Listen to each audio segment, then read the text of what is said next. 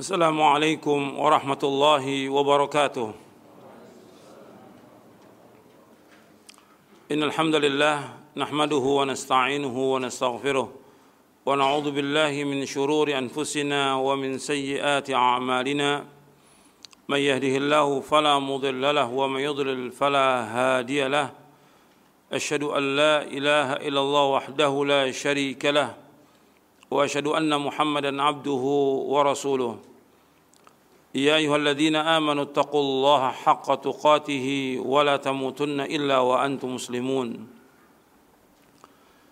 يا أيها الناس يا أيها الناس اتقوا يا أيها الذين آمنوا اتقوا الله حق تقاته ولا تموتن إلا وأنتم مسلمون.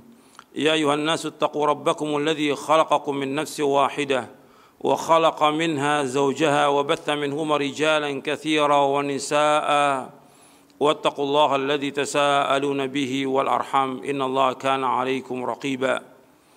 يا أيها الذين آمنوا اتقوا الله وقولوا قولا سديدا. يصلح لكم أعمالكم ويغفر لكم ذنوبكم. ومن يطع الله ورسوله فقد فاز فوزا عظيما. أما بعد فإن أصدق الحديث كتاب الله وخير الهدي هدي محمد صلى الله عليه وعلى آله وسلم. وشر الأمور محدثاتها وكل محدثة بدعة وكل بدعة ضلالة وكل ضلالة في النار أيها الإخوة أعزكم الله kepada seluruh kaum muslimin dan muslimat yang mudah-mudahan dirahmati oleh Allah Subhanahu wa taala. Alhamdulillah kita bersyukur kepada Allah Subhanahu wa taala atas segala nikmat yang Allah karuniakan kepada kita, nikmat Islam, nikmat iman, nikmat sehat, nikmat afiat, nikmat dijauhkan oleh Allah dari berbagai macam malapetaka.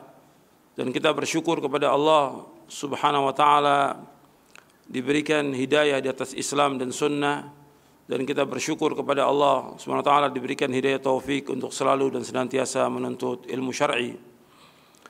Ikhwan fiddin, azakumullah kepada seluruh kaum muslimin dan muslimat yang mudah-mudahan dirahmati oleh Allah Taala.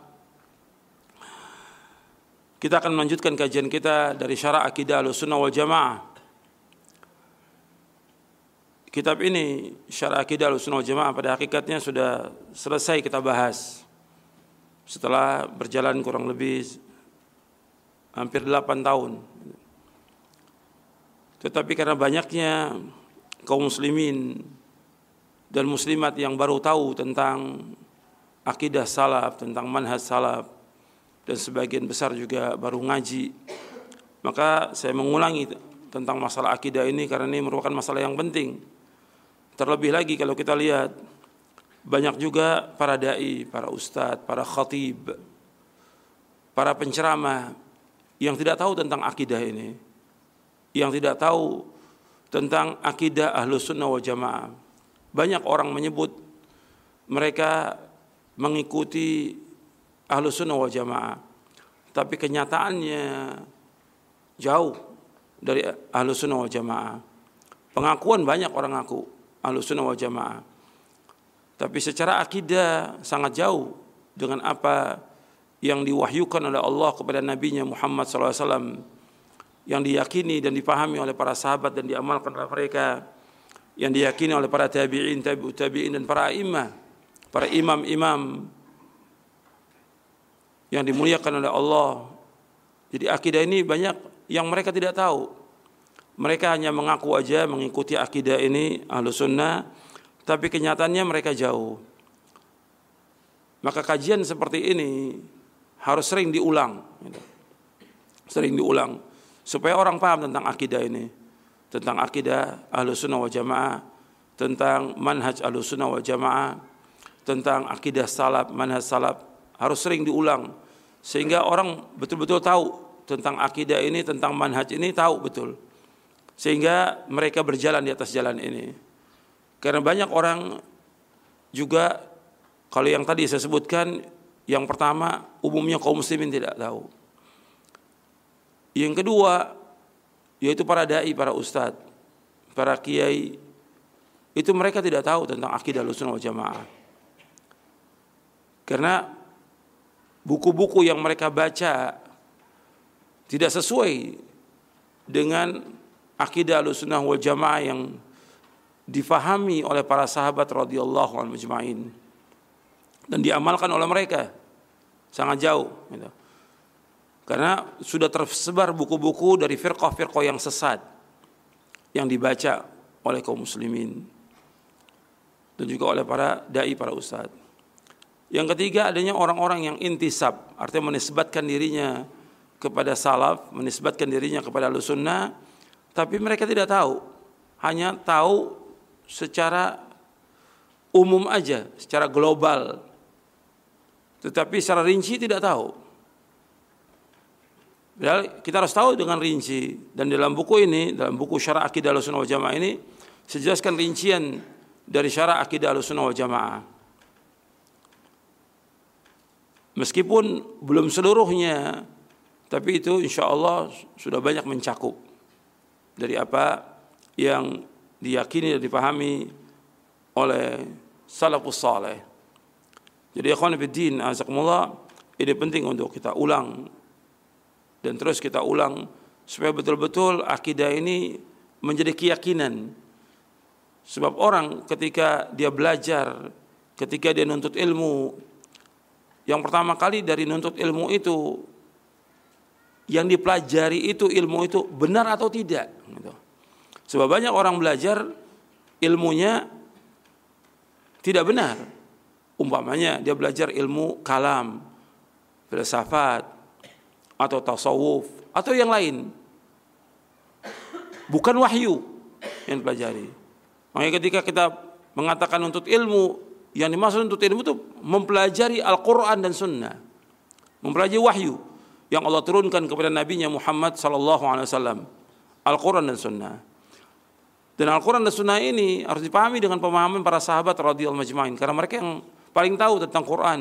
Mereka paling tahu tentang Sunnah mereka yang sudah pertama mereka yang pertama kali beriman dan mereka yang pertama kali mengamalkan mereka yang pertama kali mendakwakan dan mereka yang pertama kali juga berjihad menegakkan agama ini sebelum manusia menegakkan agama ini.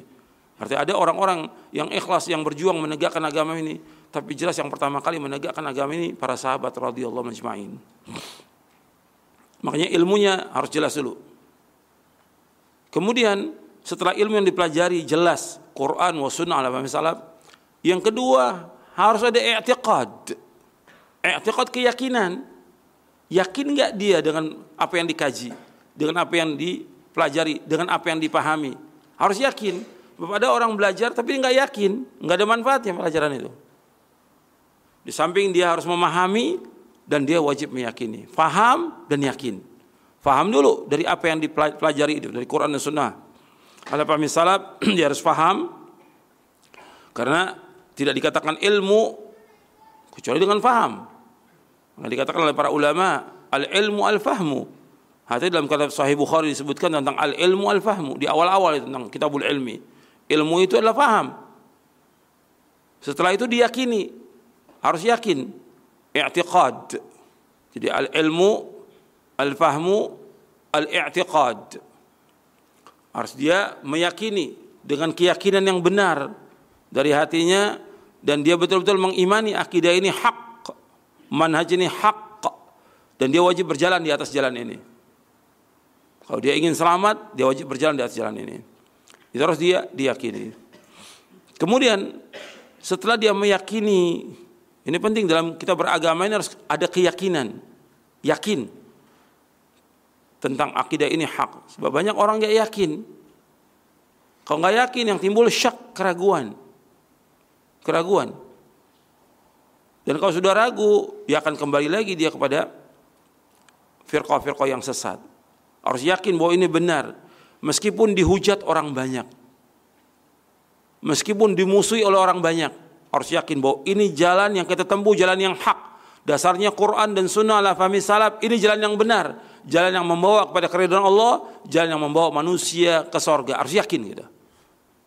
Yakin bukan keyakinan dibuat-buat bukan, yakin dengan dasar dalil dari Quran dan Sunnah. Yang sudah kita baca dalilnya, kita pahami, kita yakini. Kemudian setelah itu ada al-amal atau dengan istilah para ulama dengan al-inqiyad. Yaitu kita harus betul-betul tunduk dan patuh kepada Al-Quran dan Sunnah. Kalau sudah datang wahyu dari Allah, dalil dari Quran, dari Sunnah Nabi Sallallahu Alaihi Wasallam, kewajiban seorang mukmin dan mukminah sami'na wa ata'na. Kami dengar, kami taat. Inqiyad. Tunduk patuh kepada Allah dan Rasulnya Sallallahu Alaihi Wasallam. Ini yang akan membawa keselamatan. Harus ada inqiyad. Kalau tidak ada inqiyad ketaatan, bagaimana dia berjalan menuju kepada Allah? Sebab Allah akan menilai dari apa yang dia amalkan. Bukan ilmu yang dia pelajari sekian banyak, bukan keyakinan, tapi bagaimana dia mengamalkan, dia amalkan atau tidak. Karena keyakinan, ikrar lisannya, keyakinannya harus dibuktikan dengan amal. Amal ini merupakan bagian daripada iman. Bahkan termasuk rukun yang terbesar. Amal ini merupakan bagian daripada iman rukunnya. Jadi ini harus dibuktikan dengan amal. Tidak melakukan kesyirikan, tidak melakukan perbuatan-perbuatan bid'ah. Tidak. Betul-betul dia mengikuti wahyu. Ikhlas dan ittiba. Ikhlas dan ittiba. Ikhlas semata-mata karena Allah tidak berbuat syirik dan dia ittiba mengikuti sunnah nabinya sallallahu alaihi wasallam. Ikhwan azakumullah. Kita akan bahas tentang bab yang kelima karena bab-bab sebelumnya sudah pernah kita bahas tentang bab kaidah dalam mengambil dalil itu sudah kita bahas. Bab yang kedua, kaidah dan prinsip Ahlussunnah wal Jamaah dalam mengambil dan menggunakan dalil sudah sudah selesai kita bahas ini. Karena pertemuan kita tidak tidak rutin setiap pekan, kadang-kadang juga ketika saya ada waktu ya kita lanjutkan, kalau nggak ada waktu terhenti. Ini sudah sudah kita bahas. Kemudian adapun bab yang ketiga penjelasannya juga sudah kita bahas. Bab yang keempat tentang beberapa karakteristik akidah Ahlussunnah wal Jamaah nanti antum bisa baca bahwa masalah akidah Ahlussunnah wal Jamaah ini yaitu yang jelas sumbernya. Artinya dalam kita beragama ini harus jelas dalilnya gitu. Bukan kata orang, bukan kata orang banyak, bukan kata kiai, bukan kata ustadz, bukan kata guru, tapi kata dalil. Kemudian juga di antara keautentikan akidah ini bahwa akidah ini berpegang pada prinsip taslim. Artinya kita wajib tunduk dengan Quran dan Sunnah. Akal ini wajib tunduk dengan Quran dan Sunnah. Ya kalau sudah dalil, sami'na wa ta'na. Maka orang beriman itu enggak dikatakan dia beriman sampai dia menyerah kepada apa yang Allah dan Rasulnya tetapkan. Allah berfirman dalam surah An-Nisa surah yang keempat ayat 65 Allah berfirman fala wa rabbika la yu'minuna hatta yuhakkimuka fima shajara bainahum thumma la yajidu fi anfusihim harajan mimma qadaita wa yusallimu taslima. Demi Rabbmu mereka tidak akan beriman sehingga mereka menjadikan kamu Muhammad sebagai hakim terhadap apa yang mereka proseskan dalam mereka. Kemudian mereka tidak dapat dalam hati mereka rasa haras, rasa sempit. Rasa tidak senang dengan apa yang kau putuskan dan mereka tunduk dengan setunduk-tunduknya. Wa yusallimu taslima. mereka harus taslim, tunduk, menyerah dan menerima semua apa yang Allah dan Rasulnya, apa yang Allah wahyukan dan apa yang Rasulullah SAW sabdakan. Kemudian akidah al-sunnah sejalan dengan fitrah dan sesuai dengan akal yang sehat. Tentang akal sudah kita bahas. Kemudian mata rantai sanatnya sampai kepada Rasulullah SAW dan para sahabatnya.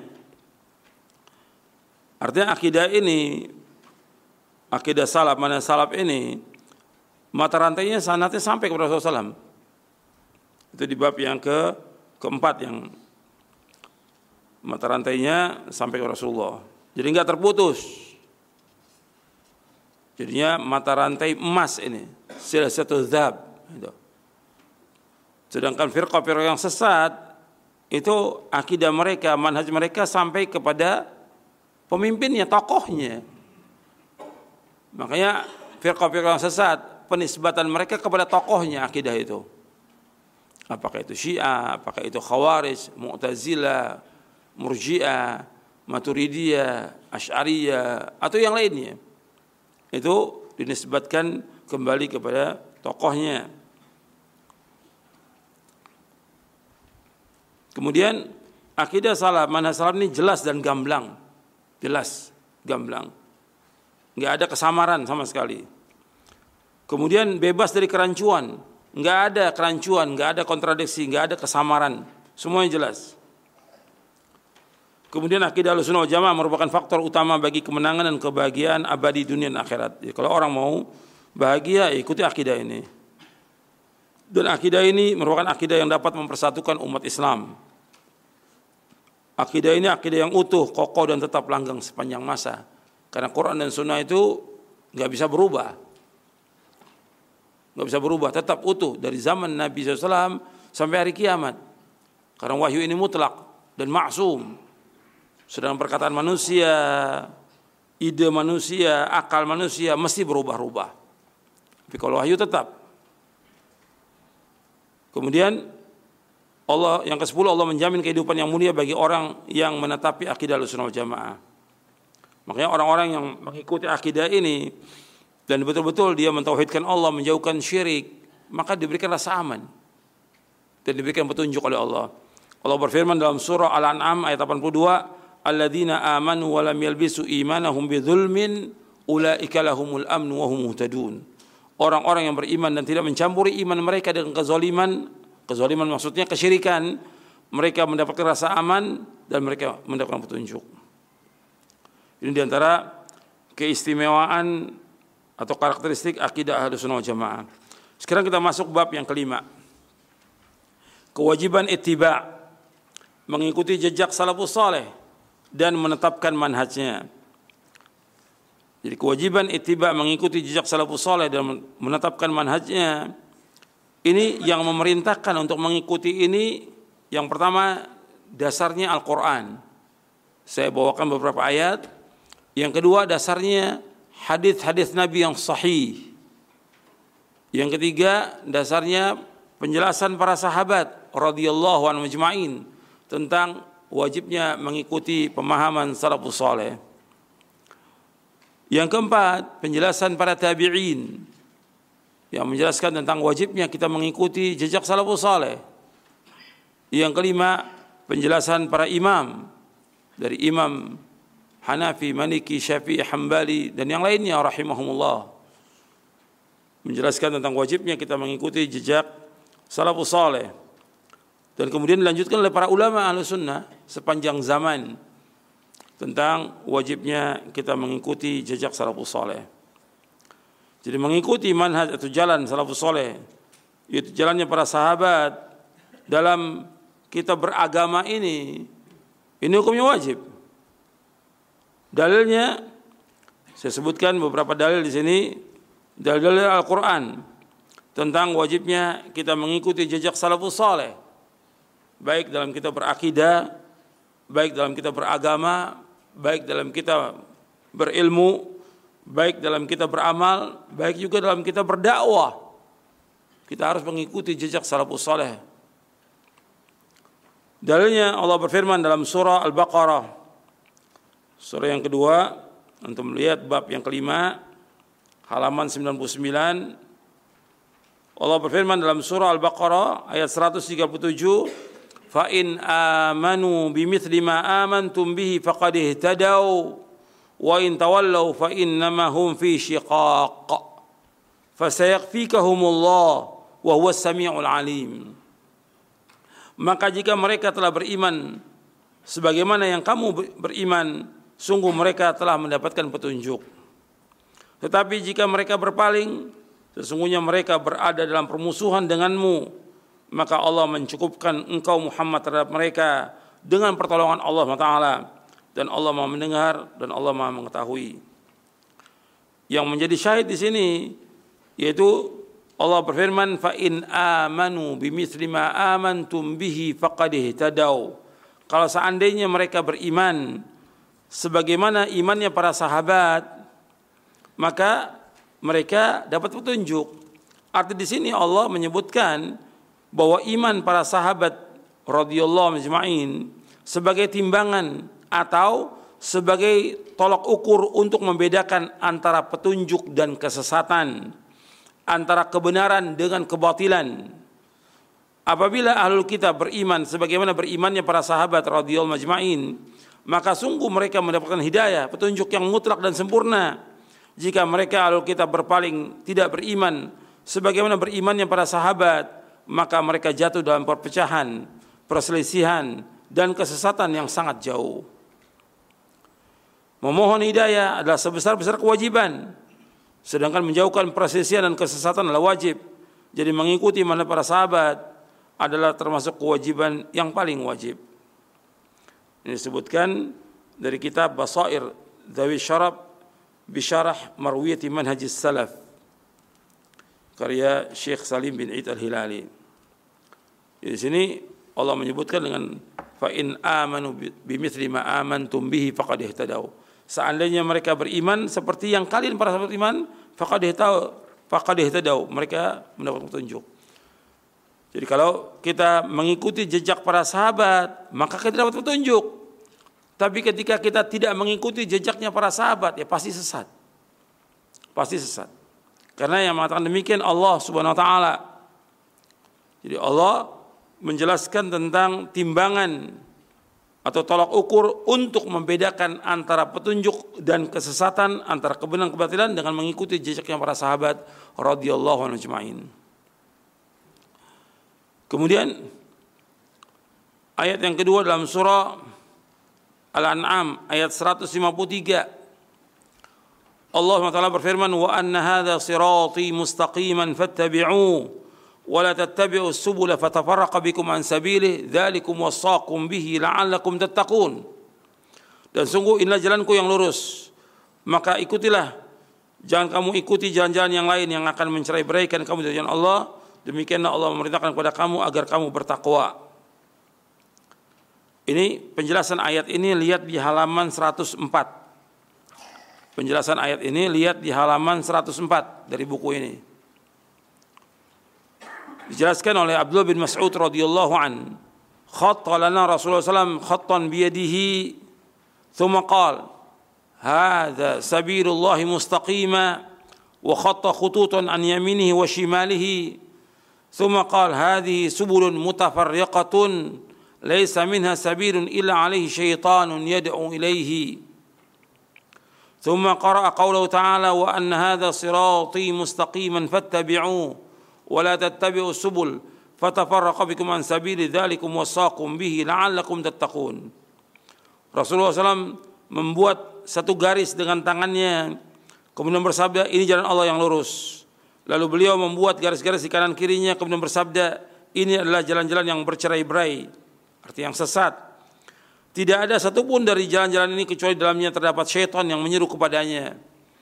Selanjutnya beliau membaca firman Allah Azza wa Jal wa anna hadha sirati mustaqiman. Sampai akhir ayat artinya dan sungguh inilah jalanku yang lurus. Maka ikutilah janganlah kamu ikuti jalan-jalan yang lain yang akan mencerai beraikan kamu dari jalan Allah. Demikianlah Allah memerintahkan kepada kamu agar kamu bertakwa.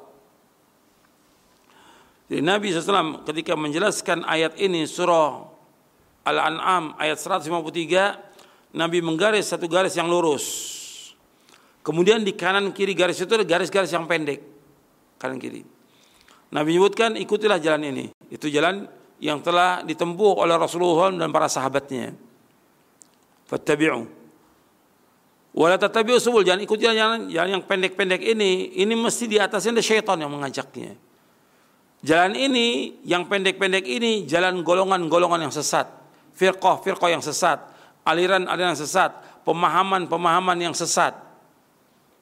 Yang mengatakan demikian Rasulullah SAW di hadis iftirakul ummah dan juga hadis ini artinya Nabi menyebutkan hadhihi subulun mutafarriqatun laisa minha sabilun illa ali syaitan yad'u ilaihi.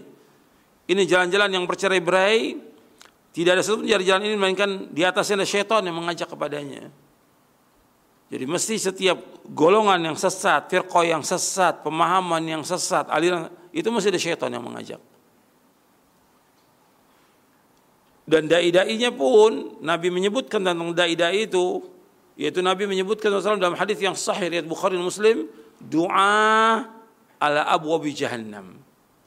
Dai-dainya yang menyeru, yang mengajak ke jalan itu Nabi menyebutkan yaitu dai-dai yang berada di tepi jurang jahanam. Man ajabahu qadhafuhu fiha kata Nabi. Barang siapa yang memenuhi panggilan para dai itu akan dimasukkan dia ke neraka jahanam. Ya, Nabi sudah menyebutkan itu. Jadi jalan ini ada syaitan yang mengajak kepadanya. Mereka kata Nabi SAW pakaiannya sama dengan kita, kulitnya sama dengan kita, berbicara sama dengan kita. Tapi mereka mengajak kepada kesesatan.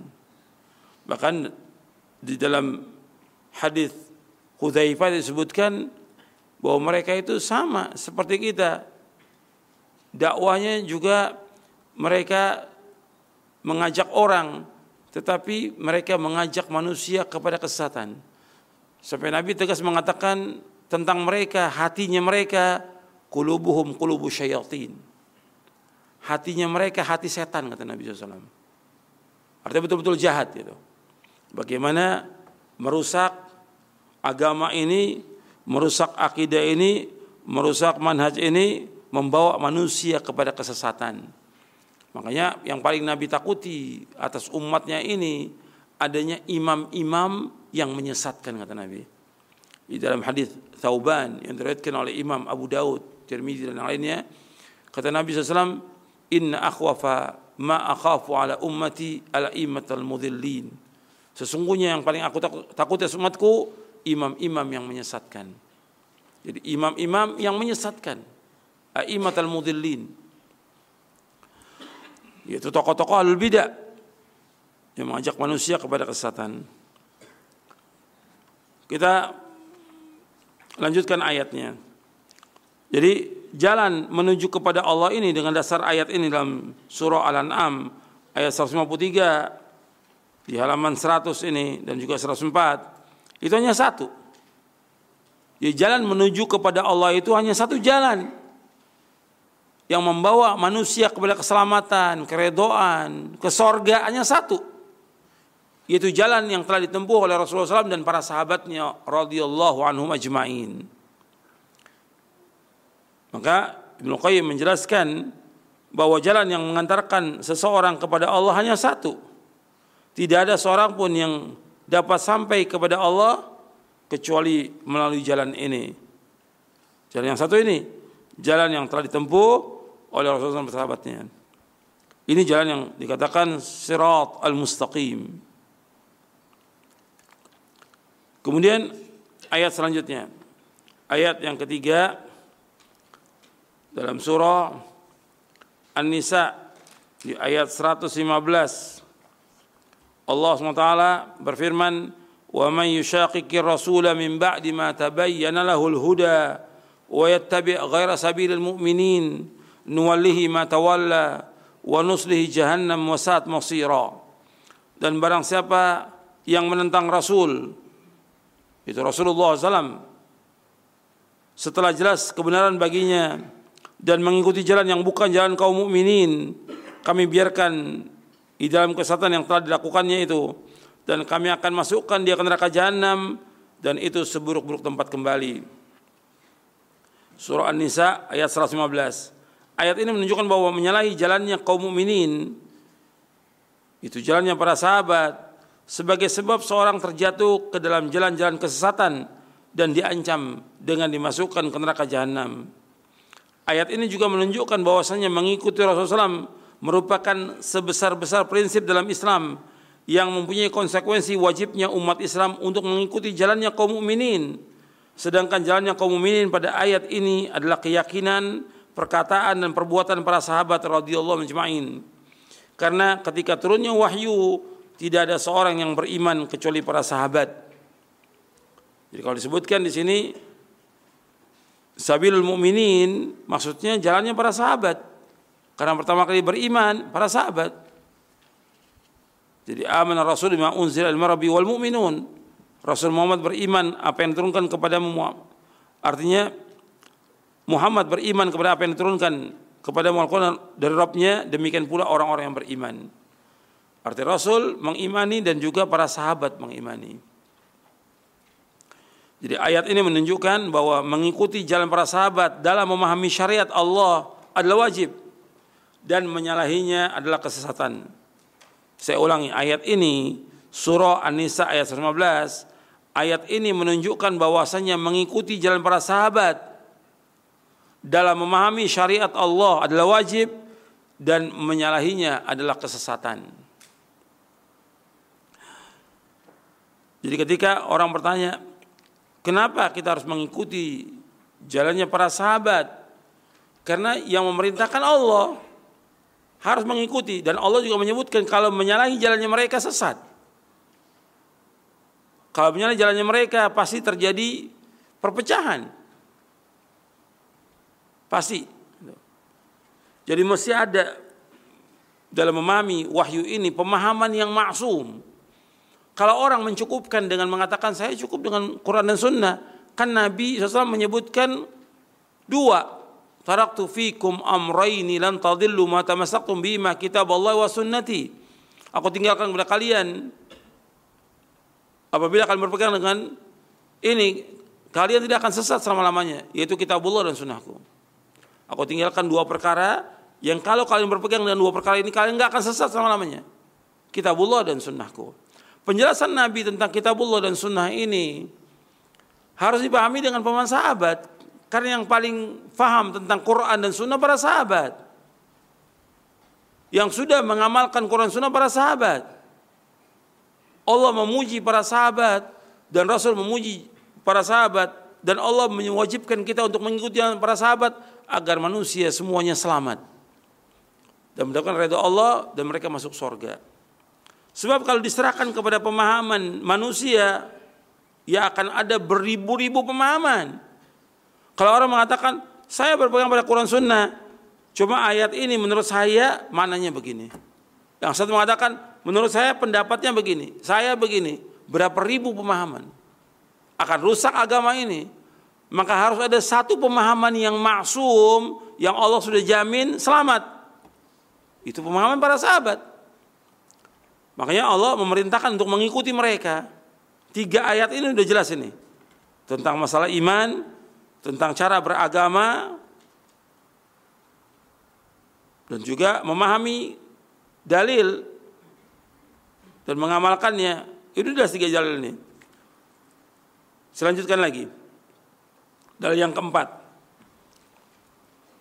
Ini lebih tegas lagi. Jalan yang keempat ini bahwa dengan mengikuti mereka jaminannya sorga dan itu yang kita inginkan dalam hidup ini tujuan hidup seorang mukmin seorang mukminah itu sorga kalau mereka ingin masuk sorga itu ikut jalan para sahabat sebab Allah telah menjamin mereka masuk sorga Allah berfirman dalam surah At-Taubah surah yang ke-9 ayat 100 wasabiquna al-awwalun minal muhajirin wal ansar والذين اتبعوهم بإحسان رضي الله عنهم ورضوا عنه وعد لهم جنات تجري تحت الأنهار خالدين فيها أبدا Zalikal fawzul azim.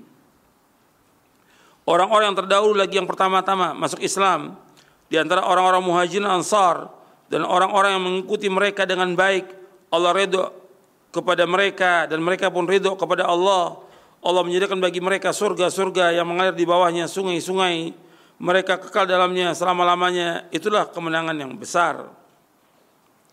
Di sini Allah menyebutkan generasi yang pertama dari umat ini dari orang yang pertama kali masuk Islam, muhajirin dan ansar. Ini, kalimat ini Allah abadikan dalam Al-Quran dan juga dalam hadis Nabi yang sahih. Nabi mendoakan muhajirin dan ansar. Muhajirin artinya orang-orang yang hijrah dari Mekah ke Madinah dan mereka tetap teguh dengan imannya dan berjuang menegakkan agama agama ini sampai mereka wafat dalam keadaan mereka beriman. Ini muhajirin. Ansar adalah orang-orang yang di Madinah. Yang tinggal di Madinah yang mereka pertama kali beriman dan mereka menolong Nabi dan para sahabatnya untuk menegakkan agama ini sampai mereka wafat. Allah menyebutkan di sini bahwa orang-orang yang terdahulu yang pertama masuk Islam dari Muhajir Ansar dan orang-orang mengikuti mereka dengan baik. Allah memberikan syarat di sini mengikuti mereka dengan baik. Artinya bukan hanya mengikuti mereka saja, tapi mengikuti mereka dengan baik. Artinya betul-betul dia mengikuti dengan keterangan dalil dari Quran dan Sunnah, memahami dengan pemahaman mereka, beragama dengan cara beragama mereka, dan mengamalkannya. Maka Allah redha kepada mereka. Dan mereka pun redha kepada Allah. Artinya untuk mendapatkan redonya Allah, kita wajib mengikuti jejaknya mereka. Jejaknya para sahabat radhiyallahu anhu Mereka redho dengan apa yang Allah telah berikan kepada mereka. Redho mereka. Para sahabat, orang-orang yang redho, makanya Allah redho kepada mereka. Mereka redho dengan mengikuti Nabi Muhammad SAW, dengan berjuang bersama Nabi dalam keadaan susah dan payah mereka. Mereka redho. Kehidupan mereka, hidupnya sederhana, pas-pasan hidupnya. Ada di antara sahabat yang kaya ada. Tapi yang terbanyak mereka hidupnya pas-pasan. Seperti Salman Al-Farisi, Abu Dhar Al-Ghifari, Abu Hurairah, banyak lagi ya, Bilal dan yang lain banyak. Ratusan sahabat. Mereka hidup dengan apa adanya. Mereka redo dengan apa yang Allah sudah takdirkan buat mereka. Mereka zuhud dengan dunia ini. Nggak tamak dengan dunia. Mereka berjuang, siap untuk berjuang menegakkan agama ini. Siap mereka. Mereka redo dengan kesulitan, kesusahan, cobaan, ujian, dan juga kehidupan ini. Maka Allah redo pada mereka. Jadi mereka harus redo dulu dengan apa yang Allah telah wajibkan kepada mereka. Dengan apa yang Allah takdirkan kepada mereka. Mereka redo, maka Allah redo. Makanya kalau kita ingin dapat redo, ikuti jejak mereka. Karena orang yang sukses di dunia ini pertama kali para ambia wa rasul. Kalau kita mau tahu orang sukses, sukses itu artinya orang yang dijamin masuk sorga dan dijauhkan dari neraka itu sukses. Dengan dasar dalil dari Quran. Itu baru katakan orang itu sukses. Nah orang yang sukses di muka bumi ini yang pertama kali yaitu para ambia wa rasul alaihi wasallam. Yang kedua para sahabat. Para sahabat sukses. Maka Allah menyebutkan di akhir ayat ini, "Dzalikal fawzul azim." Itulah kesuksesan yang besar. Itulah keberhasilan yang besar. Itulah kemenangan yang besar. Setelah apa? Setelah Allah redho kepada mereka dan Allah masukkan mereka ke dalam sorga.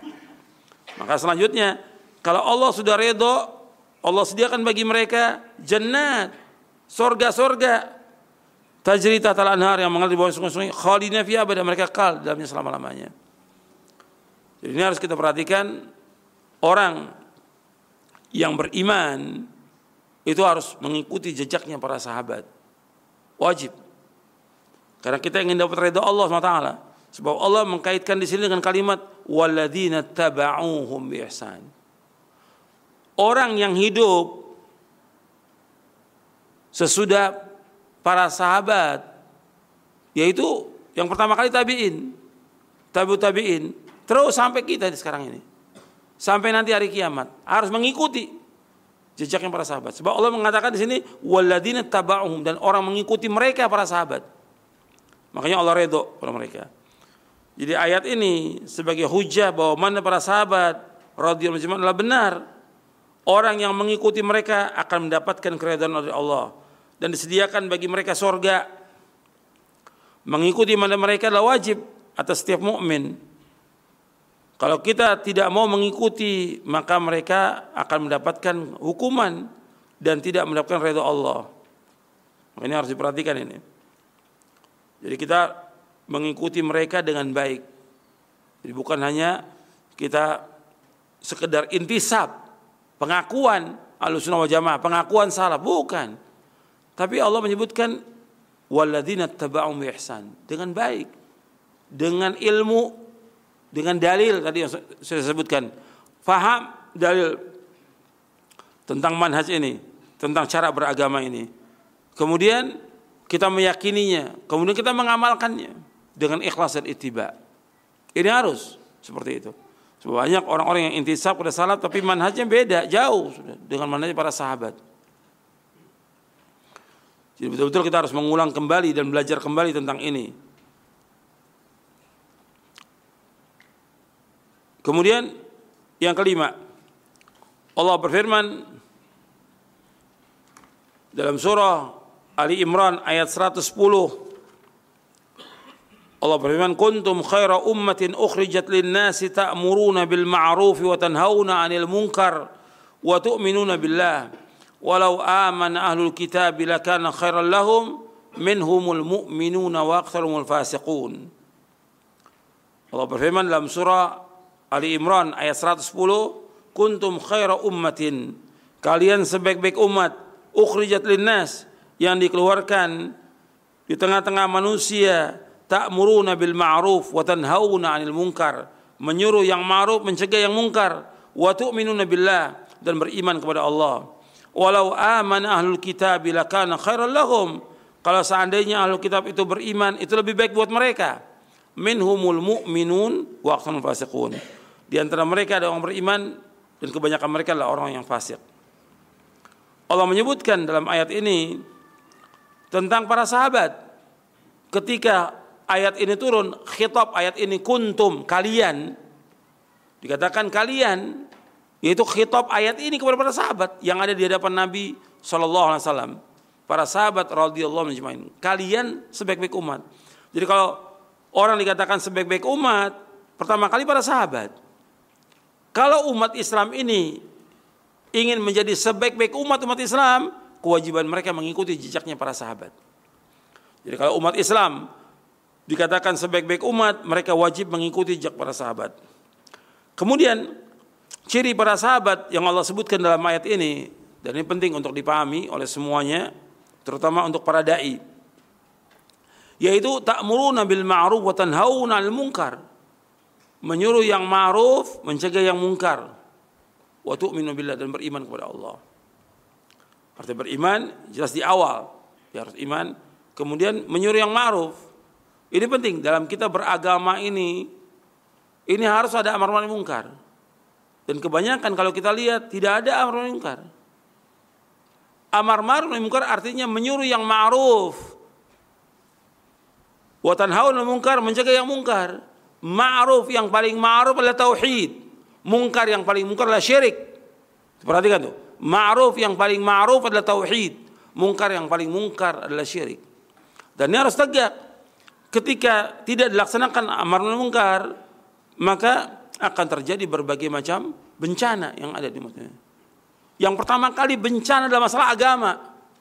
Ketika tidak ada amar mungkar dibiarkan orang dengan berbagai macam pemahaman, dengan berbagai macam golongan, dengan berbagai macam kesatan, para dai, para ustadz diam tidak menjelaskan kepada umat, umat sesat. Dan ini fitnah dalam agama yang besar. Dan musibah yang besar, musibah dalam agama. Ketika orang tidak tahu jalan bagaimana menuju kepada Allah, ketika orang tidak tahu jalan bagaimana beragama yang benar nggak tahu, kewajiban para dai menjelaskan jalan ini, jalan yang hak ini.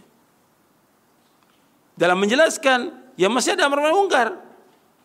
Menjelaskan kepada mereka ini hak, ini batil, ini tauhid, ini syirik, ini sunnah, ini bid'ah. Ini jalan yang Allah, ini jalan yang sesat. Harus jelas. Ketika nggak dijelaskan, orang nggak akan tahu. Dan ini amar ma'ruf mungkar. Harus ada, nggak boleh diam. Dari zaman para sahabat tegas itu. Ketika salah langsung diingatkan. Ketika mereka melanggar dihukum. Ini amar ma'ruf mungkar. Yang ada sekarang enggak, dibiarkan. Yang dijaga oleh mereka yang penting persatuan. Enggak ada dalam Islam seperti itu persatuan kalau di atasnya tidak di atas asas amar ma'ruf munkar. Harus di atas tauhid. Makanya dikatakan oleh para ulama bahwa kalimat tauhid asas tauhidil kalimah. Kalimat tauhid asas tauhidil kalimah. Kalimat tauhid merupakan asas untuk mempersatukan umat. Kalimat tauhid asas tauhidil kalimah. Kalimat tauhid merupakan asas untuk mempersatukan umat. Bahwa kalau nggak ada amar ma'ruf mungkar, ya nggak akan tegak agama ini. Seluruh nabi, seluruh rasul alaihi wasallam diturun uh, diutus oleh Allah sebagai rasul, sebagai nabi untuk menegakkan ini. Amar ma'ruf, nahi mungkar. Ini yang nggak ada sekarang ini. Ini nggak tegak amar ma'ruf mungkar.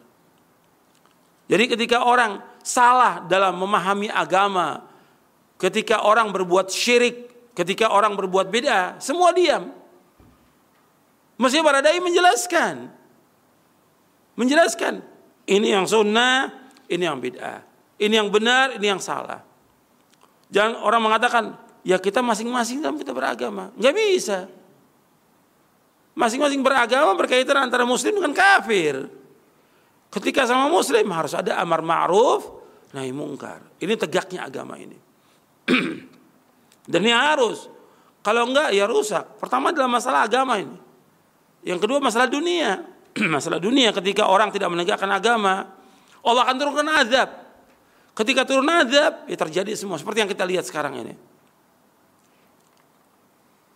Adanya orang-orang yang berbuat kemungkaran, maksiat, dosa-dosa yang besar mereka lakukan, apa kita syirik, bid'ah, apakah homoseks, perzinaan, musik-musik, lagu, riba, homer, judi dan yang lainnya dilakukan, ya Allah turunkan azab.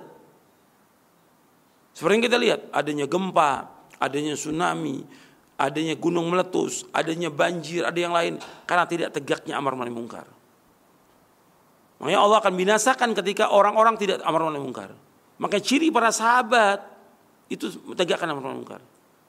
Seperti yang pernah saya sampaikan kepada antum juga. Hatta masalah kecil. Antum lihat ketika terjadi di Masjid Kufah. Di Masjid Kufah itu orang-orang cuma berzikir aja. Ada pemimpin halakohnya, kata pemimpin halakohnya, Halilumia, Sabihumia, Kabiru mi'ah. Ucapkan Allah 100. Ucapkan Subhanallah 100. Ucapkan takbir 100. Ibnu Mas'ud melihat, kenapa kalian seperti ini? Yang tidak dilakukan oleh para sahabat. Ibnu Mas'ud menjadikan contoh, yang tidak dilakukan oleh para sahabat. Kok kalian melakukan begini? Sahabat nggak pernah lakukan. Kenapa kalian nggak menghitung dosa-dosa kalian? Apa kata mereka? Jawaban mereka, kami melakukan sesuatu yang baik, niat kami baik. Apa kata Ibnu Mas'ud? Wa kam min murinil khair linusibahu. Betapa banyak orang-orang yang ingin kebaikan nggak sesuai dengan sunnah. Nggak sesuai dengan sahabat. Akhirnya apa? Awalnya beda yang kecil dengan zikir. Zikir dianjurkan dalam Al-Quran. Zikir dianjurkan dalam sunnah. Tapi zikir yang mereka lakukan dengan apa? Dengan cara berjamaah. Nabi nggak contohkan zikir berjamaah. Nabi SAW nggak mencontohkan zikir berjamaah. Nabi orang yang paling banyak berzikir.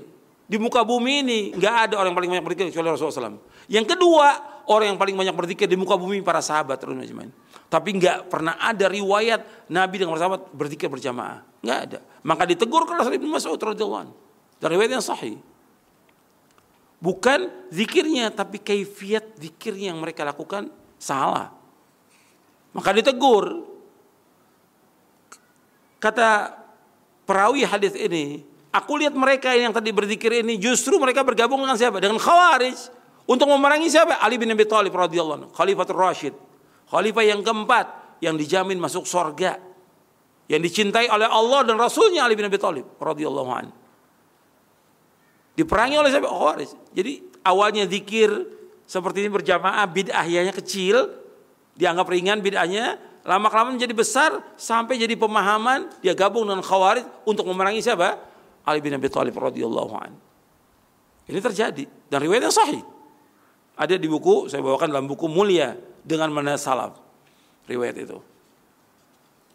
Jadi ini amar ma'ruf nahi munkar harus tegak, tegak ini. Ciri para sahabat amar ma'ruf munkar. Jadi para dai nggak boleh diam. Justru Allah akan selamatkan orang-orang yang menegakkan amar ma'ruf munkar.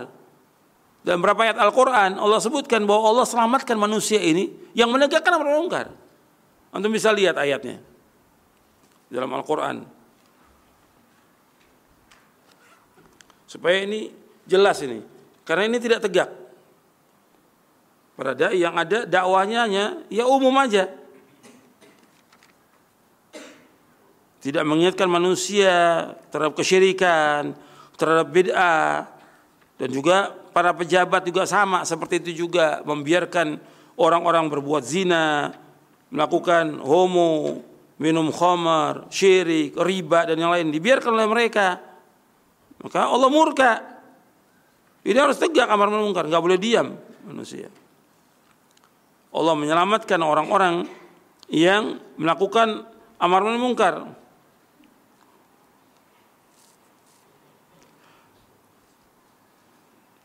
Lihat dalam surah Al-A'raf. Al-A'raf di ayat 164 165.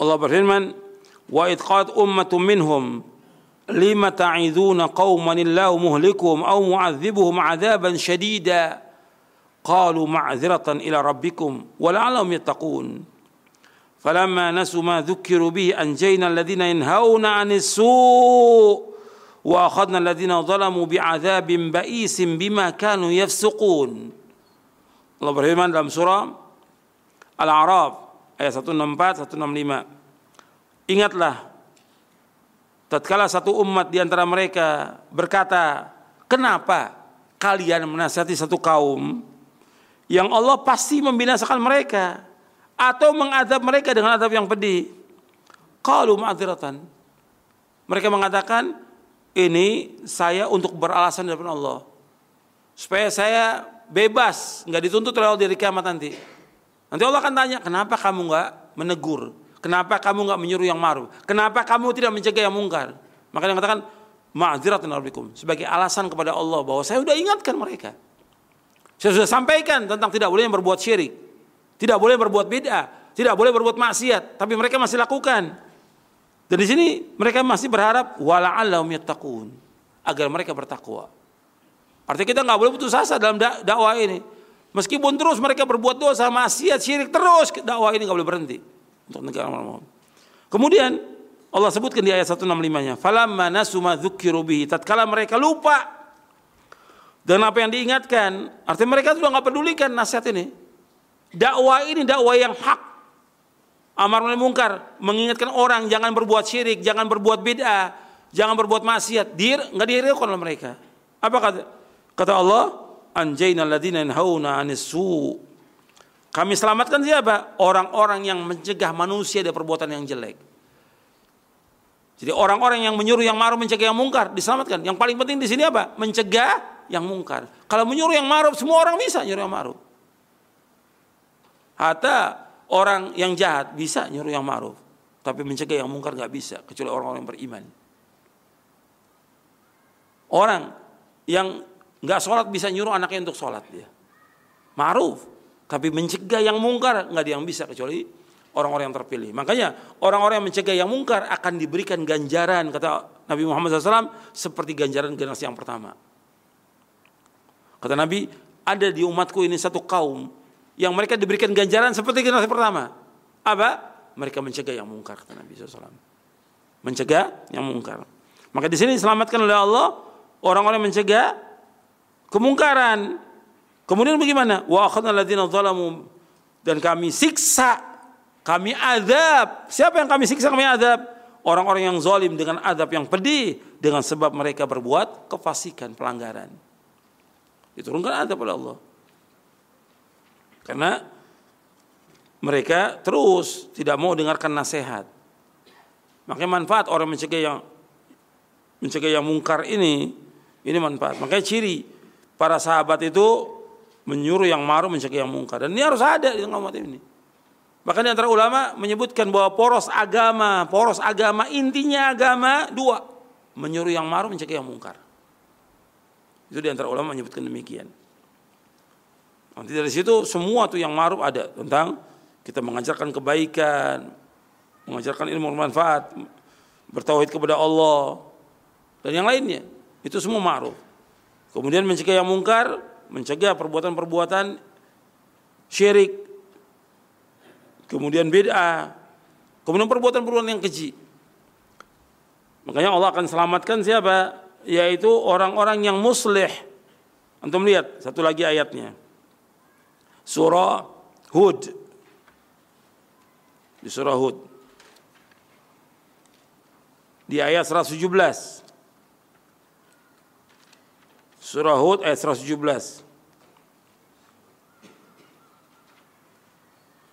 Allah menyebutkan wa ma kana rabbuka liyuhlikal qura bidzulmin wa ahluha muslihun. Dan tidaklah Allah membinasakan satu desa dengan sebab kezaliman sedangkan orang-orangnya muslih. Antum lihat di sini. Allah nggak menyebutkan wa ahluha salihun. Tuh perhatikan di sini. Ayat ini Allah nggak menyebutkan wa ma kana rabbuka liyuhlikal qura bidzulmin wa ahluha muslihun. Allah nggak sebutkan di ayat ini wa ahluha salihun. Soleh. Soleh, ada banyak orang soleh. Dia zikir, ibadah untuk diri sendiri. Tapi ini muslih. Muslih itu memperbaiki orang. Dia baik dan dia memperbaiki orang lain. Itu muslih. Yang selamat itu yang mana? Yang muslih, yang selamat oleh Allah. Jadi dia, dia soleh dan dia juga muslih memperbaiki. Jadi antum perhatikan tuh. Jadi soleh dan juga dia muslih. Muslih itu artinya memperbaiki.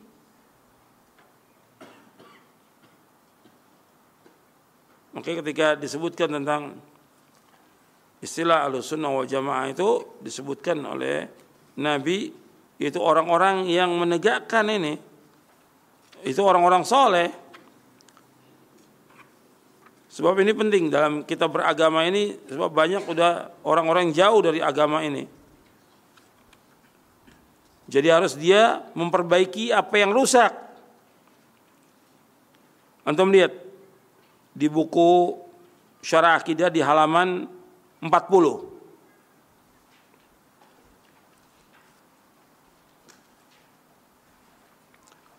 Rasulullah bersabda mengenai makna al-ghuraba alladzina yuslihuna inda fasadin nas yaitu orang-orang yang senantiasa memperbaiki umat di tengah-tengah rusaknya manusia.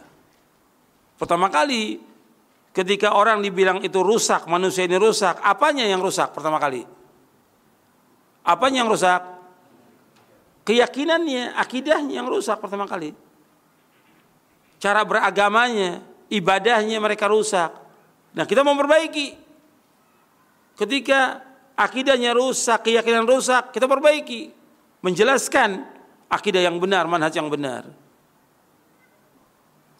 Kemudian dalam riwayat disebut alladzina yuslihuna ma afsadan nas min ba'di min sunnati yaitu orang-orang yang memperbaiki sunnahku sepeninggalku sesudah dirusak oleh manusia. Riwayat yang pertama diriwayatkan oleh Abu Ja'far At-Tahawi dalam Syarah Muskil Asar dan Al-Likai yang kedua riwayat Tirmidzi. Jadi kita harus jadi orang-orang yang musleh, memperbaiki.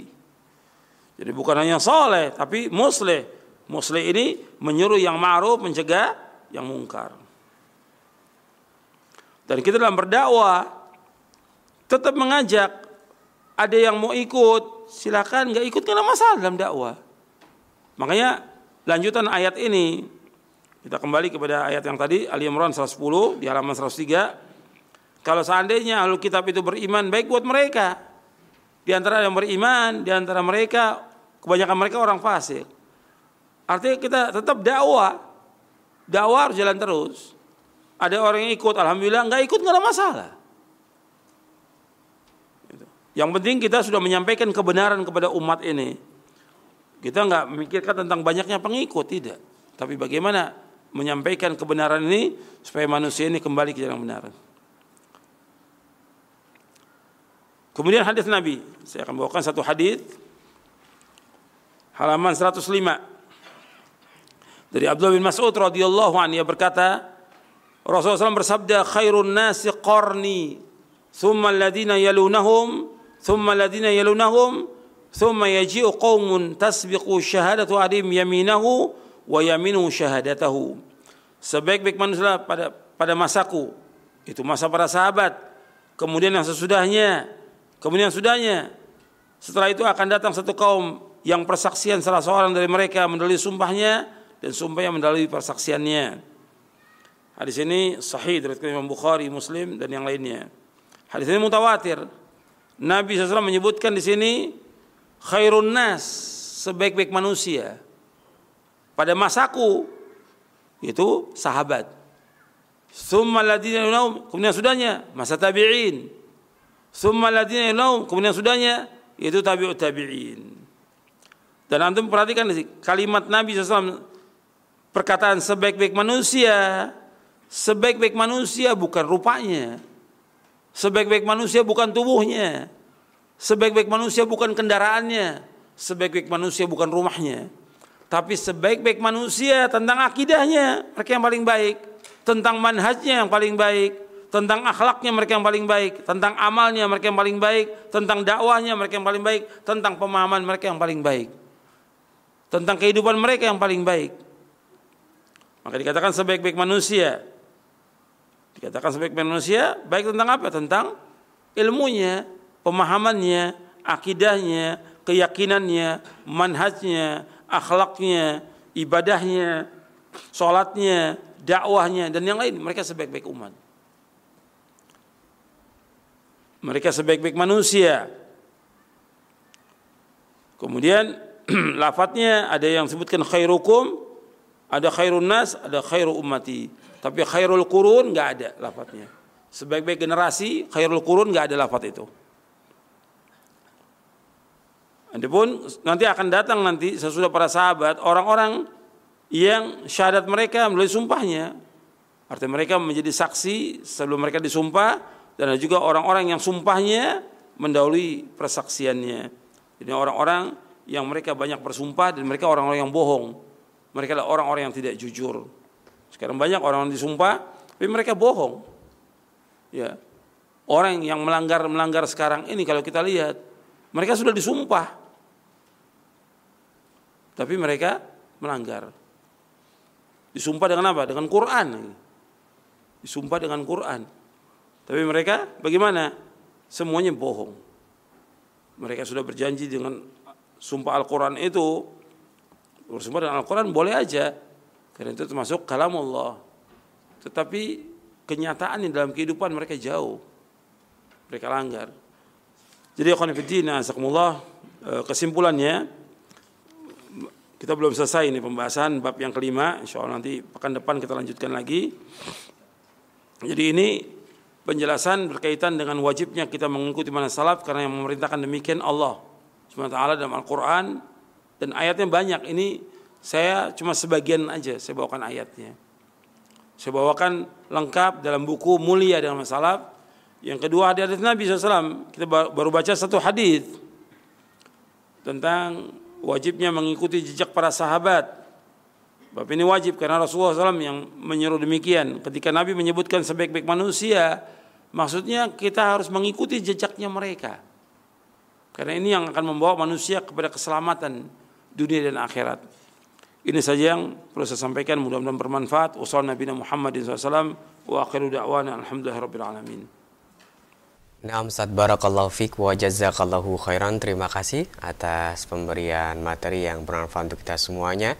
Semoga Allah mudahkan kita untuk mendapatkan ilmu dan faedah-faedah tersebut bisa kita amalkan dalam aktivitas ketaatan pada Allah Subhanahu wa taala dan dalam rangka mengikuti sunnah Nabi Shallallahu alaihi wasallam. Berikutnya kami undang ikhwatal Islam yang ingin bertanya silahkan di 0218236543 untuk telepon. Untuk pesan singkat di 0819896543. Kami akan angkat pertanyaan pertama dari pesan singkat dari Abdullah yang bertanya di Jakarta. Pak Ustadz, Alhamdulillah saya rutin menghadiri majelis taklim yang diadakan setiap minggu dan di dalamnya diadakan pembacaan Al-Fatihah Al-Fatihah buat almarhum atau wali-wali Allah, sunan-sunan dan lain-lain. Setelah itu dilakukan zikir bersama. Bagaimana itu Ustaz?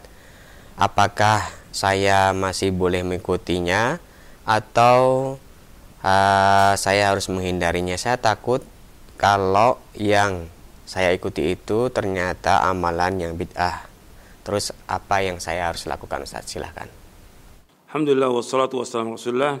Allahumma salli wa sallim wa barik Muhammadin wa ala sahbihi ajma'in. Dari pertanyaan yang tadi berkaitan dengan majlis taklim yang ada ini sangat banyak ya. Dan beragam majlis taklim ini. Yang antum harus cari majlis taklim yang di situ diajarkan Al-Quran dan Sunnah ala fahmi salaf. Itu yang penting diingat oleh penanya Quran dan Sunnah. Artinya kita pegang Quran Sunnah yang disampaikan oleh si dai-nya, si ustadznya Quran dan Sunnah. Makanya si dai atau ustadz yang mengajarkan kita harus tahu bahwa dia akidahnya salaf. Akidahnya jelas, manhajnya jelas. Yang dipelajari Quran dan Sunnah. Quran, Sunnah yang dipelajari oleh dia. Itu yang harus diperhatikan. Kemudian yang tadi ditanyakan berkaitan dengan uh, pengiriman bacaan kembalinya kepada dalil ada enggak contoh dari Nabi Muhammad sallallahu alaihi wasallam bahwa Nabi mengirimkan bacaan Al-Fatihah kepada istrinya Khadijah bintu Khuwailid radhiyallahu anha karena sudah meninggal. Begitu juga kepada anak-anaknya. Nggak ada riwayat yang seperti itu. Juga nggak ada para sahabat radhiyallahu mengirimkan Al-Fatihah kepada para sahabat yang lain. Tidak ada riwayatnya. Begitu juga tidak ada para sahabat mengirimkan bacaan Al-Fatihah kepada Rasulullah sallallahu alaihi wasallam. Kita dianjurkan bahkan diwajibkan oleh Allah untuk mengikuti jalannya para sahabat. Itu jalannya para sahabat. Kita diwajibkan mengikuti Rasulullah SAW dan jalannya para sahabat. Sekarang nggak ada yang seperti itu.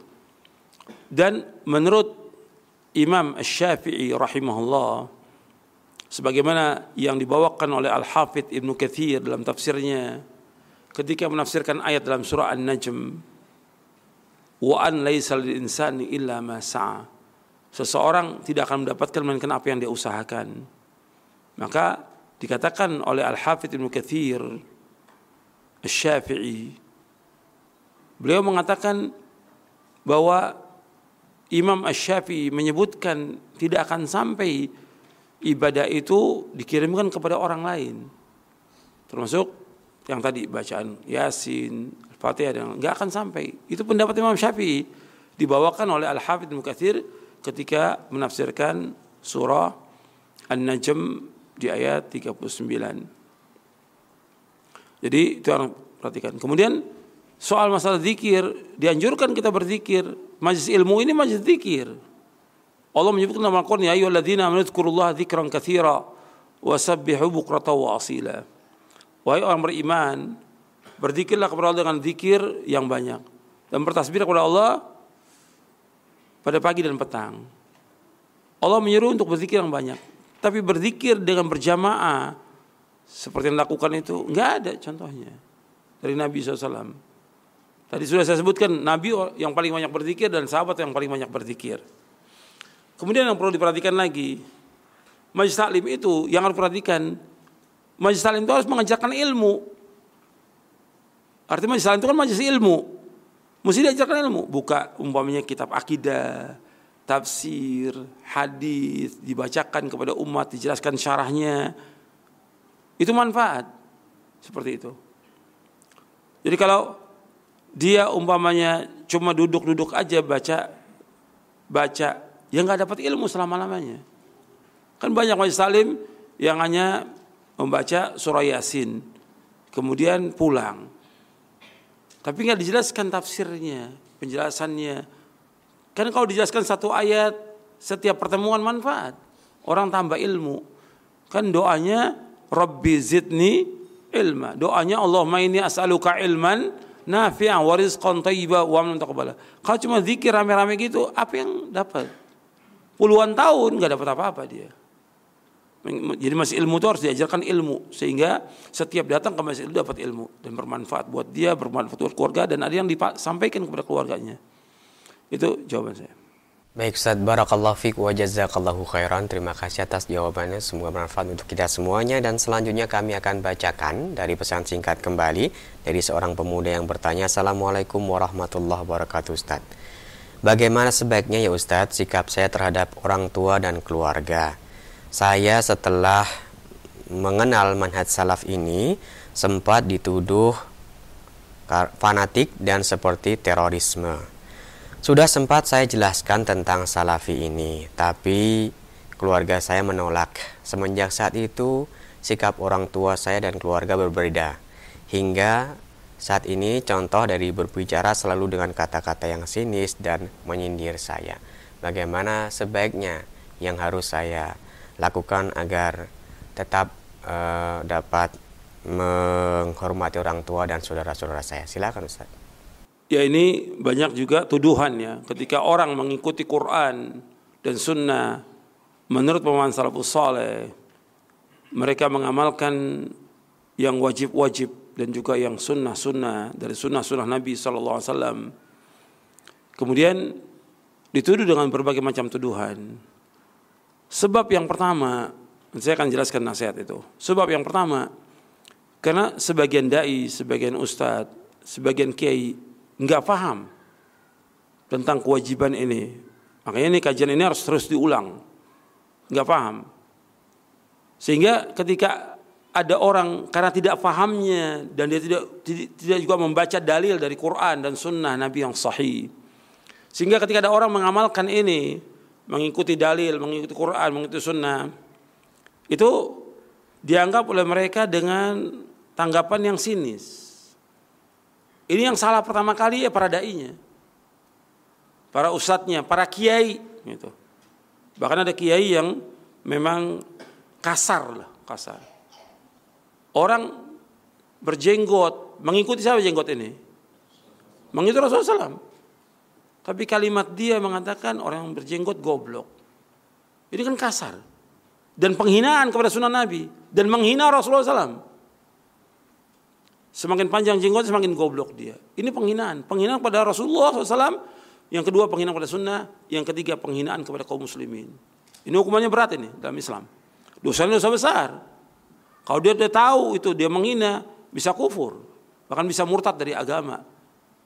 Kalau dia tahu dalil ya dari Quran Sunnah bahwa itu benar, tapi dia sengaja untuk mengejek, menghina, itu berat hukumannya. Seperti yang Allah sebutkan dalam surah At-Taubah.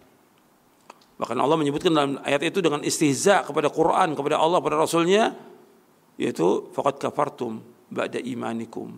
Kalian telah kufur setelah kalian beriman. Berat hukumannya. Nah karena kiai-kiai, ustad-ustad nggak paham tentang sunnah, kemudian mereka mencela sunnah, kemudian bukannya mencela, bahkan menuduh orang yang berjenggot, yang tidak isbal, itu dengan teroris. Kesalahan yang pertama kali pada dai-dai ini adalah ustaz-ustaz kiai-kiai ini. Ini yang salah pertama kali. Sehingga apa? Terpengaruhlah orang tua antum tadi. Seperti yang ditanyakan oleh penanya itu. Terpengaruh orang tuanya. Memang ada orang-orang yang salah dalam masalah ini. Artinya ada sebagian kecil dari orang-orang yang mengikuti pemahaman yang sesat. Bukan salah loh. Sesat. Pemahaman khawarij, takfiri seperti apa? Mengebom, merusak. Nah segelintir orang ini yang berjenggot ini yang merusak. Ini sesat pemahaman mereka ini. Mengkafirkan penguasa, orang berbuat dosa besar, kafir dan yang lainnya. Ngebom. Ini Islam nggak pernah mengajarkan. Rasul nggak pernah mengajarkan. Kita juga dalam dakwah nggak pernah mengajarkan. Ini sesat. Sehingga disebarkan pemahaman ini oleh orang kiai ini itu lihat tuh yang berjenggot itu ngebom segala macam sehingga yang ada di benak sebagian orang tua yang awam yang mereka nggak pernah nuntut ilmu oh ini ciri orang teroris ya berjenggot gitu. yang dosa pertama kali yang besar dosanya siapa kiai kiai ini para dai para ustadz ini yang kedua para pejabat yang nggak ngerti agama apakah dari angkatan bersenjata, dari Polri atau yang lainnya. Pejabat-pejabat ini juga nggak ngerti agama, tapi ngomong tentang agama pejabat ini. Di generalisir semuanya. Memang ada yang salah orang berjenggot, yang dia mengikuti pemahaman yang sesat. Harus pahami dulu, ini pemahaman sesat, ngebom, mengkafirkan, sesat. Kemudian katakan bahwa orang yang berjenggot teroris, kesimpulannya. Sehingga orang tua itu dari dia melihat TV, baca koran, apalagi sekarang dengan media sosial, dipahami orang berjenggot teroris. Ini salah. Yang pertama kali berjenggot Rasulullah SAW, apa yang dianggap Rasulullah teroris? Dosa besar, bahkan bisa kafir orang itu. Menuduh Rasulullah dengan tuduhan-tuduhan yang nggak benar. Jadi harus dipahami dulu, ini udah salah. Sekarang udah terjadi yang seperti ini. Nah, sekarang sikap bagaimana seorang anak kepada orang tuanya? Ya sikap anak orang wajib dia berbuat baik kepada orang tuanya, wajib birrul walidain. Wajib dia untuk berbuat bakti orang tuanya. Jelaskan dengan pemahaman yang benar. Saya nggak ikut, bapak sebaiknya ikut aja pengajian saya. Jadi ajak bapak itu atau ibu itu ke pengajian-pengajian yang diajarkan Quran dan Fahmi Salam. Yang kedua, berikan buku-buku. Buku-buku tentang dalil-dalil dari Quran Sunnah ini. Apakah tentang akidah, tentang manhaj, begitu juga tentang prinsip dasar Islam, begitu juga tentang sholat, sampai dia paham. Yang ketiga, yaitu nggak boleh lepas kita doa, mendoakan dia terus supaya diberikan hidayah oleh Allah, baik di waktu, waktu siang, di waktu malam, di saat-saat dikabulkan doa, doakan orang tua kita, keluarga kita agar paham.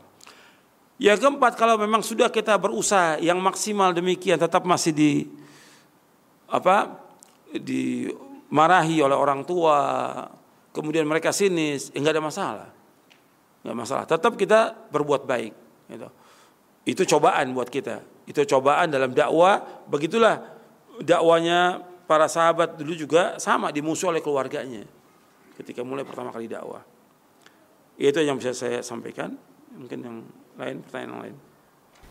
Baik Ustaz, Barakallahu fiq wa jazakallahu khairan. Terima kasih atas jawabannya. Selanjutnya kami bacakan kembali pertanyaan dari seorang ibu. Assalamualaikum Ustadz. Saya dan suami berbeda pandangan dalam manhaj. Alhamdulillah saya sudah hijrah dan mengikuti manhaj salaf. Tapi suami tidak meyakini kalau yang saya ikuti itu yang paling benar. Karena ada subhat di pikirannya, katanya Islam itu ada 73 golongan tapi hanya satu yang masuk surga. Nah, pemahaman suami saya, dia bilang, kita tidak tahu mana yang paling benar. Bagaimana saya menyikapi suami, Ustadz, dan menjelaskan tentang subahat tersebut. Jazakumullahu khairan, silahkan. Iya, sebenarnya mudah. Artinya, suami ibu yang ibu tanyakan itu, dia berpendapat, itu dengan dalil. Artinya benar dalilnya bahwa 73 golongan itu Nabi sebutkan umat Islam yang insya Allah nanti pekan depan kita bahas itu kata Nabi umat Islam berpecah menjadi tiga golongan 72 masuk neraka satu yang masuk surga satu yang masuk surga itu artinya orang mengikuti Quran dan Sunnah menurut pemahaman para sahabat kalau dia masih ragu tentang satu golongan itu ya satu golongan itu bukan dakwahan bukan khayalan bukan yang lainnya tapi ilmu amal kita lihat dong ilmunya, dalilnya yang disampaikan. Yang kedua, amalnya. Jadi satu golongan itu yang mengikuti para sahabat, yang betul-betul dia mengilmui, betul-betul dia mengilmu jauh dia. Yang kedua meyakini. Yang ketiga mengamalkannya. Dan itu kita berusaha. Jadi ketika kita mengajak orang kepada Quran Sunnah Pahami Salaf, bukan ini tazkiyah, bukan. Bukan kita mensucikan diri kita tidak sama sekali. Justru ini kita menjelaskan ini jalan yang benar. Kita berusaha untuk mengikuti jalan ini. Gitu. Itu yang harus kita sampaikan kepada kaum muslimin. Bukan mengatakan wah berarti kajian ini menganggap paling benar sendiri tidak. Justru ini kajian yang benar Quran Sunnah. Benar memang benar. Dan kita akan meniti jalan ini. Gitu. Itu yang kita jalankan. Jadi harus jelaskan kepada dia Makanya diajak dulu dia kepada pengajian. Kalau belum, ya sabar. Gitu. Perbedaan. Kadang-kadang pendapat ada aja suami istri. Tapi harus sabar. Kalau nggak sabar yang ada ya nanti perceraian. Harus sabar. Sampai pun kadang-kadang dia udah ngerti tentang manhaj. tapi dia masih susah untuk sholat berjamaah, juga harus sabar. Atau ada beberapa sunnah yang belum dilaksanakan, ya harus sabar.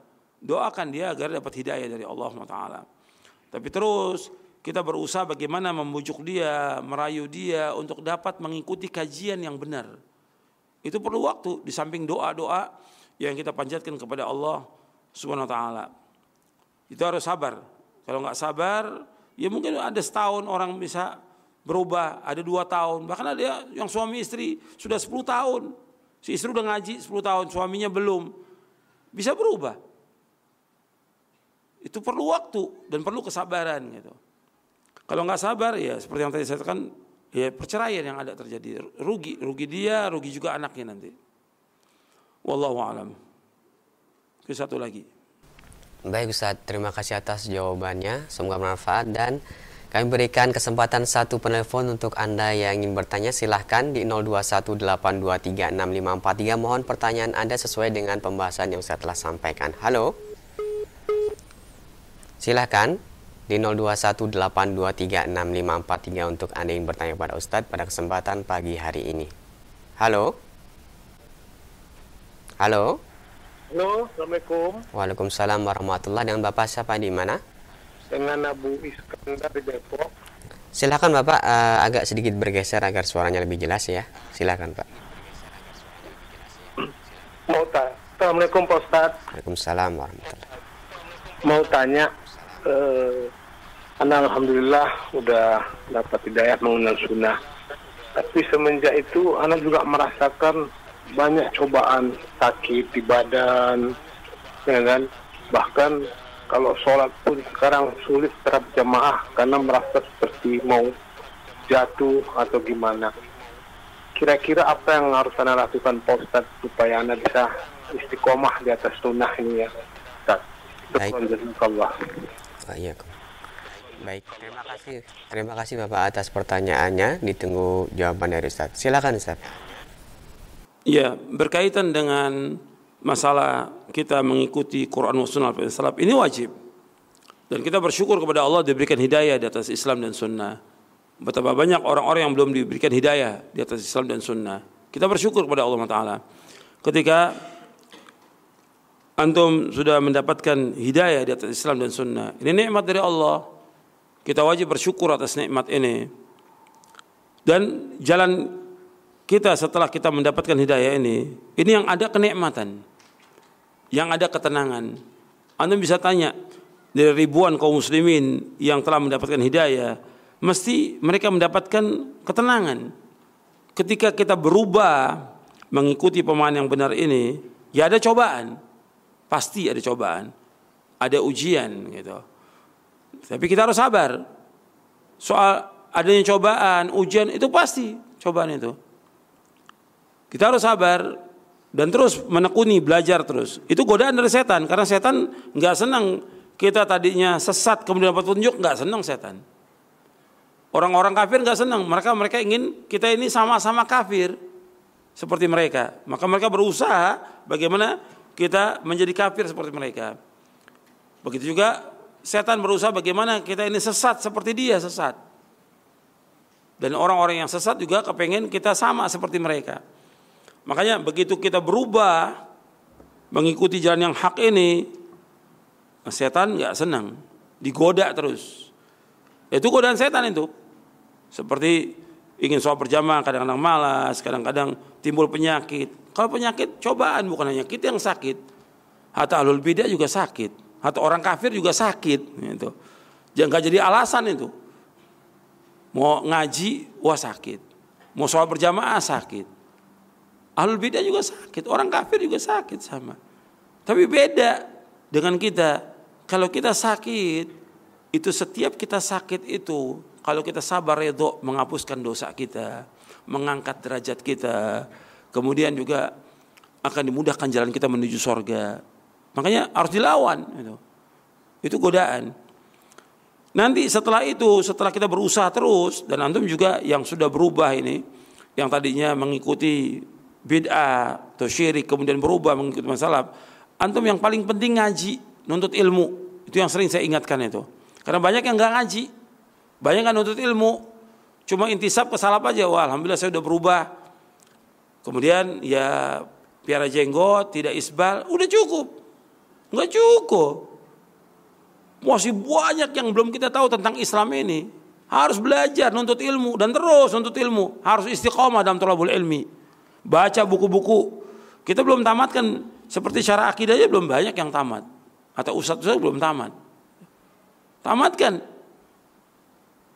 Bahkan kalau perlu lagi kita sebagai dai baca bahasa Arabnya baca kitab Sahih Bukhari, Muslim dan lainnya sehingga kita tahu agama ini dengan benar.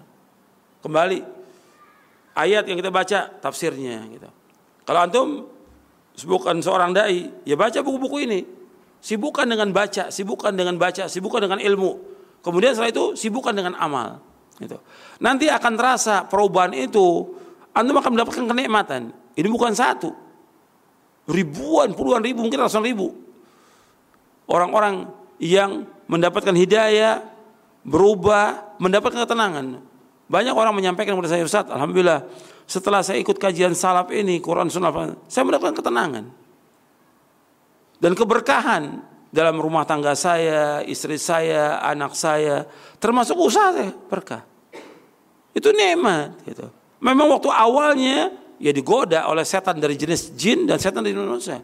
Kan teman-temannya dia nggak senang ketika berubah. Kok kamu berubah sekarang ini?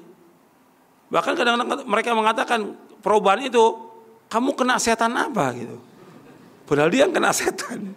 Tapi dibalik kok kamu berubah nih kena setan apa? Macam-macam sudah. Itu cobaan. Tapi itu akan hilang nggak lama itu. Nggak. Ya kan Nabi aja dituduh apa? Gila kan Nabi. Dituduh tukang sihir. Dan dituduh juga Nabi seperti tersihir atau kemasukan jin oleh mereka itu. Padahal mereka yang kemasukan jin. Gitu. Tapi tuduhan. Makanya kita sabar dengan tuduhan itu. Maka ketika dapat tuduhan kayaknya berat gitu.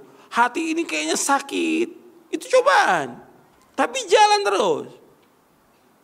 Karena apa? Setan ingin menyetop kita sampai di situ supaya kita kembali lagi ke dalam sana. Sama seperti orang yang minum khamar, yang riba, tobat, kembali kepada Islam yang benar, Quran Sunnah, uh cobaannya banyak. Cobaan dari keluarganya, cobaan dari orang tuanya, cobaan dari teman-temannya. Itu seperti itu. Makanya kembali lagi kepada Islam yang benar ini ngaji, nuntut ilmu, ibadah kepada Allah, doa kepada Allah akan diberikan ketenangan. Insya Allah dengan mengikuti pemahaman ini pasti mendapatkan kebahagiaan, ketenangan, kesejukan. Gak mungkin, tidak, gak mungkin. Meskipun kita hidupnya miskin papa mesti tenang, mesti tenang. Karena saya udah bukan satu. Yang ngomong sama saya ini udah ratusan yang ngomong. Ustaz, setelah saya kembali kepada Quran Sunnah ini saya mendapatkan ketenangan. Saya mendapatkan kebahagiaan. Saya dapatkan keberkahan dengan istri saya. Dulu saya susah Ustaz, ribut terus. Tapi begitu mengikuti ini, ketenangan yang ada, kebahagiaan yang ada. Itu yang harus kita ikut. Memang inilah jalan yang benar. Jalan yang membawa keberkahan. Beda. Kalau antum melihat dalam kehidupan antum, sudah yang beda-beda, yang maksiat, nggak ada ketenangan dalam hidupnya. Dan waktu kita dulu nggak ada berkah, tapi begitu mengikuti mana salaf ini keberkahan ada. Ibadah tenang. Coba kalau waktu diikuti beda, nggak ada ketenangan. Ribut rame dalam ibadah. Ngaji juga cuma keramaian aja, tapi nggak ada ketenangan. Tapi beda ketika kita masuk kepada mandat ini ada kehusyuan, ketenangan, zikir, ibadah kepada Allah dengan tenang, doa dengan tenang sesuai dengan sunnah. Kita belajar menuntut ilmu, banyak keberkahan. Makanya mengikuti Quran Sunnah yang membawa kepada keberkahan dan juga keselamatan. Dan mudah, nggak sulit. Agama ini nggak sulit. Jadi ini yang bisa saya sampaikan mudah-mudahan bermanfaat untuk saya, untuk yang bertanya dan semua yang mendengar kajian ini. Mudah-mudahan mendapatkan keberkahan dan rahmat dari Allah. Mudah-mudahan kita mendapatkan ilmu yang bermanfaat. Dan mudah-mudahan kita berikan taufik oleh Allah untuk mengamalkannya dan diberikan istiqamah di atas Quran wa sunnah ala fahmi salaf. Itu yang bisa saya sampaikan. Kurang lebihnya saya mohon maaf. Wassalamualaikum Muhammad SAW. Subhanakallah bihamdik. Asyhadu an la ilaha illa anta astaghfiruka wa. Assalamualaikum warahmatullahi wabarakatuh.